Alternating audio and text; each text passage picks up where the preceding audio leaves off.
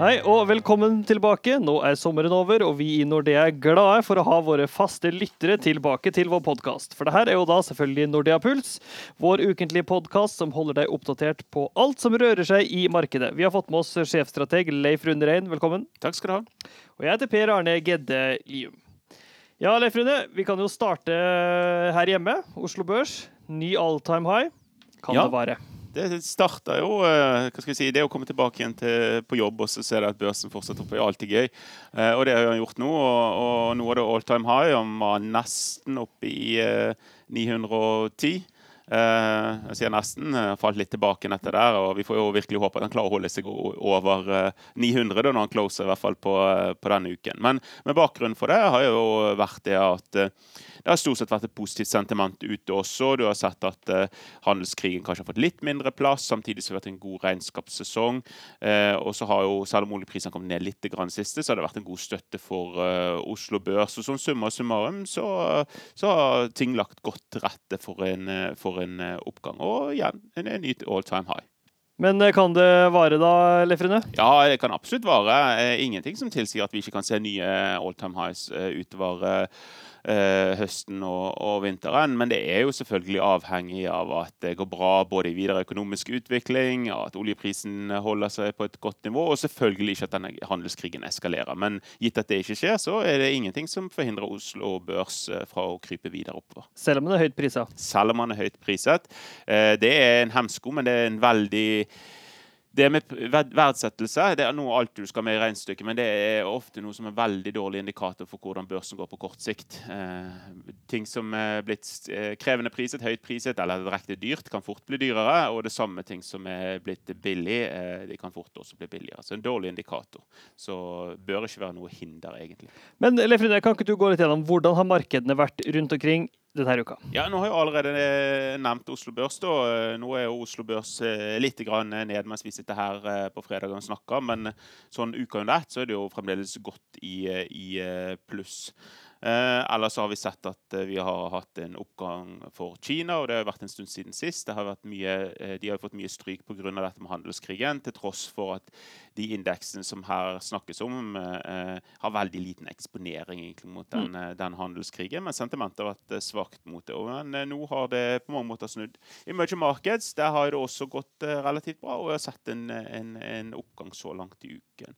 I USA og Europa så holder det seg også positivt, men ikke noe sånn stor, eh, stor opptur. Men det kan jo sies at for emerging markets så har jo det vært eh, litt sånn eh, kaotisk i det siste. Og nå fikk vi en del sanksjoner denne uken, både mot eh, Russland og mot mm. Tyrkia. Og akkurat mens vi sitter her, så sitter vi og ser på eh, har vi sett, sett på skjermene hvor tyrkiske liren virkelig, virkelig kollapser eh, i dag. Ned 13% på det Yes. på det verste, hvis jeg ikke husker helt feil, kommet litt tilbake nå, men allikevel eh, Vi ser, ser effekter av sanksjoner eh, på emerging markets. Eh, Det er ingen tvil om. Bare litt sånn emerging markets. eh, Mange tenker jo ofte litt sånn på u-land og sånn, men emerging markets er også litt sånn land på midten. Liksom. Russland, Tyrkia, som du nevner. Ja, det er fremvoksende markeder, og det er så mangt. Og mange av de som vi har tenkt på tidligere som emerging markets, har jo kanskje nesten begynt å nærme seg mer sånn utviklede markeder osv. Så, videre. så det er ikke noe sånn rent svar. Når du virkelig går til, til det, de som er mindre økonomisk uh, utviklede land, så snakker vi kanskje oftere om sånn type frontier markets og sånt. Ja. ikke direkte emerging markets. Bare en liten presisjon der. Men uh, IT, der har det vel gått uh, veldig bra. Ja, det har vært litt sånn støy rundt det. Altså, eh, det har jo hatt en, eh, en rapporteringssesong som har vært fryktelig god, eh, men allikevel så har vi hatt mye støy, spesielt rundt Facebook og, og den store kollapsen de hadde. Falt 20 på det verste her. Eh, Og det er jo for et selskap som er verdt veldig veldig mye penger. Så det er snakk om ikke bare små peanuts når dette skjer. Mm. Og vært mye fokus rundt det. Men, men sektoren som, som helhet har begynt måneden veldig bra. Har krøpet oppover, og så er godt backet av den utviklingen både på fremtidsutsiktene, men også den rapporteringssesongen som vi har lagt bak oss, mer eller mindre, eh, hvor det har gått, eh, gått eh, meget bra. Eh, så selv mye støy, mye usikkerhet, men def, eh, definitivt fremdeles potensial, og den absolutt beste sektoren hittil i år. Altså, eh, Donald Trump er jo en flittig tvitrer, men Elon Musk, altså Tesla-grunnleggeren, han er også glad i å tvitre. Og han tvitra jo at han ville kjøpe Tesla av børs. Og da fikk jo Tesla seg en eh, opptur. Ja, han hadde jo lovet tidligere at han skulle burn, uh, var vel kanskje uttrykket han brukte brukt, shortene i aksjen. Og det klarte jo han definitivt med det, den tweeten der. Nei, det er litt spesielt. Vi har jo ikke opplevd at sånne ting har blitt annonsert på Twitter før. Og nå er det jo store spørsmål. Mange som tviler til at dette her kan skje, men Ja, for man legger ganske mye penger på bordet hvis man skal kjøpe tilbake selskapet sitt. Da, kan du si. Ja da, men det er mange selskaper som kunne finne på, kanskje på å gjøre det. altså. Vi har vært innom IT-sektoren. og nå spår jeg ikke at noen av disse ja. sånn bare tar altså, Men det finnes selskaper som Google, Apple altså ja. har sånne enorme pengepenger at de har vel kanskje mer et problem å lure på hva i all verden de skal bruke pengene til. Mm. Og så har det vært tidligere nevnt eh, også interesse fra, fra, Tesla, fra enkelt sovereigns funds og sånt eh, fra Midtøsten. Så det kan være det at det er i boks. Det er jo ingen som vet. Ja, ja. Eh, så vi får jo vente og se, da. Men, eh, men som sagt, eh, meget, meget eh, spesiell manøver, kan du i hvert fall mm. si. Resultatsesongen er jo snart over. Har jo vært bra. Ja, resultatsesongen er over. Vi er som sagt, eh, Hvis vi tar på de store markedene, så har over 90% av uh, selskapene på, i USA og Japan rapportert. Er litt, eh, litt mindre i, i uh, Europa, men nesten ferdig der også. Emerging Markets kommer jo litt seinere ofte, og det gjør det mm. denne gangen også. Men så langt så har resultatsesongen uh, vært meget god for de, alle de tre nevnte, men spesielt for USA. Selvfølgelig boostet av skattekuttene, men ikke minst også fordi at økonomien har gått så bra. Vi fikk jo BNP-tall her så viste det at andre kvartal var over 4 vekst i økonomisk vekst. Og det har vært eh, enorm eh, inntjeningsvekst. Energisektoren på topp, råvarer, finans, IT. Eh, bra over hele linjen.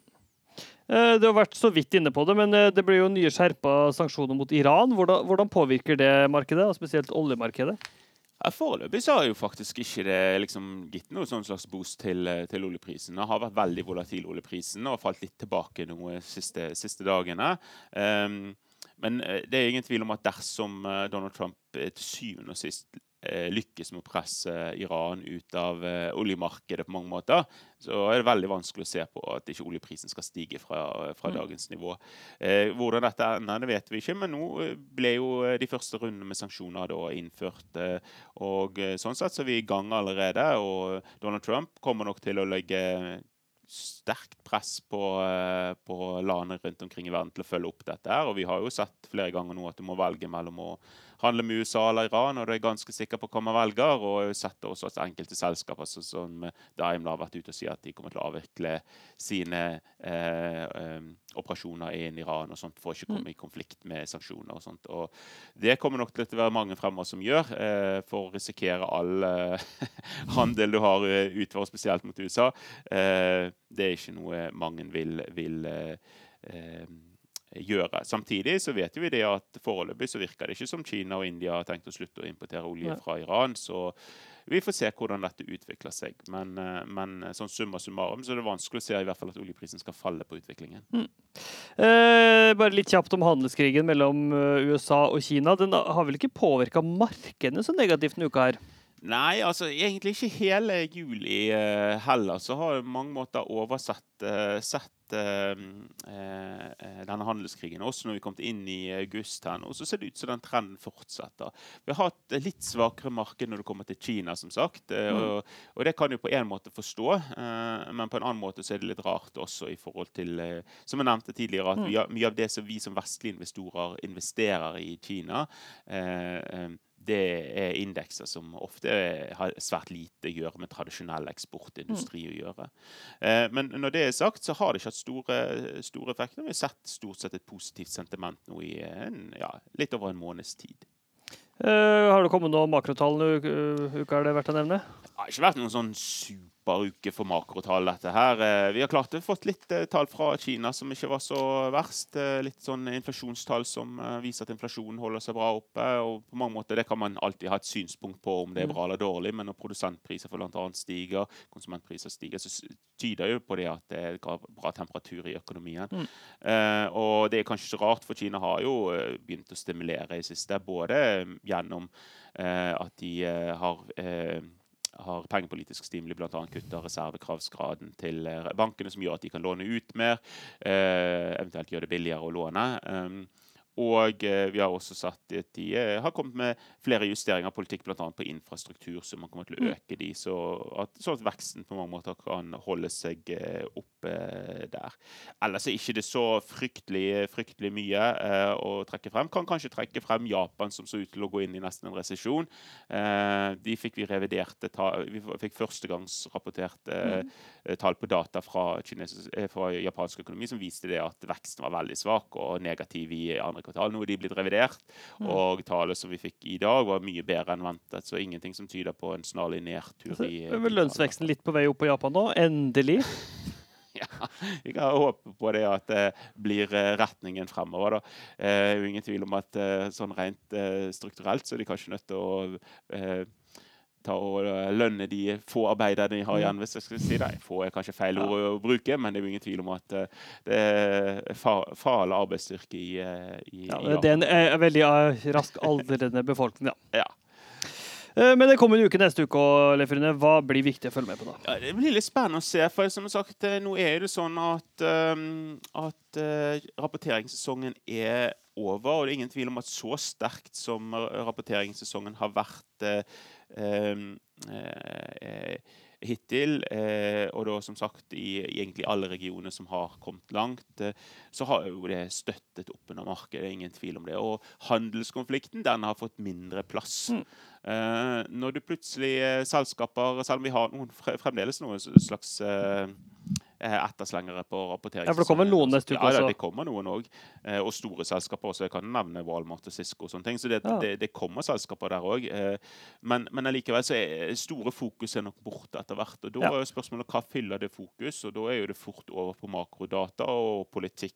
Og det er klart, sånn som utviklingen har vært i siste på på eh, handelskrigen, eksempel, så er det ikke sikkert at det blir et positivt eh, fokus. Vi kan kanskje, selv om jeg ikke spår det, så kanskje, kanskje kan eh, eh, s- frykte i hvert fall at det kan bli litt mer grumsete fremover. Fokuset, fokuset kommer litt tilbake Ja. på det. Kanskje Trump eh, skjerper litt retorikken og, og begynner å innføre en del av de sanksjonene også. Ja, så det, det, kan være noe som, som vi får. Ellers så får vi selvfølgelig også en del tall f.eks. på detaljhandel og industriproduksjon fra, fra USA, og samt noen sånne sentimentindikatorer både fra industrien med Philly Fed eller for konsumentsiden med, fra University of Michigan og ja, Europa. Vi får BNP-tall, eh, riktignok bare revidert. Eh, og Samme også for industriproduksjon. Får en del inflasjonstall osv. Eh, men allikevel så er det ikke noen sånne store, store ting. Vi har også rentemøte i Norge, kanskje du kan nevne. Ja, Eh, og det er vel trolig, sånn som vi tolker det, i hvert fall gi støtte til, til vårt syn her i Nordea om at styringsrentene vil bli hevet i, i september. Men hvorfor, siden hvor, sist. hvorfor vente til september? Hvorfor ikke nå? Er det noen, kan det komme en renteheving allerede? Ja, det har vært på rentebanen. Nei, det tviler jeg. Det vil nok vært annonsert. Vi, vi tror ikke det sentralbanken har noe lyst til å overraske. Nei. og sånn som uh, Man har tolket de så langt i forhold til rentebanen og kommunikasjon, og sånn, så er det liksom september som er, som er da det skjer. Uh, så det kan jo bli litt uh, interessant eh, å høre på. Eh, ellers så får vi også flere data fra Kina. Vi, som sagt, vi fikk jo litt, jeg nevnte jo det hittil, jeg nevnte produsentpriser og priser. Jeg kunne også nevnt eh. Det burde jeg kanskje gjort, Mm. eh, for de også var bedre enn ventet. Eh, eh, og man kan jo frykte det at handelskrigen har lagt en demper allerede. Det er ingenting i tale som tyder på det foreløpig.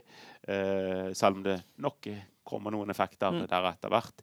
Eh, og der får vi også en del tall på bl.a. Eh, detaljhandel og, og industriproduksjon, som kanskje kan gi litt innsikt i videre utvikling, som jeg eh, tror i hvert fall er for tidlig å forvente en sånn sterk, eh, kraftig avmating der.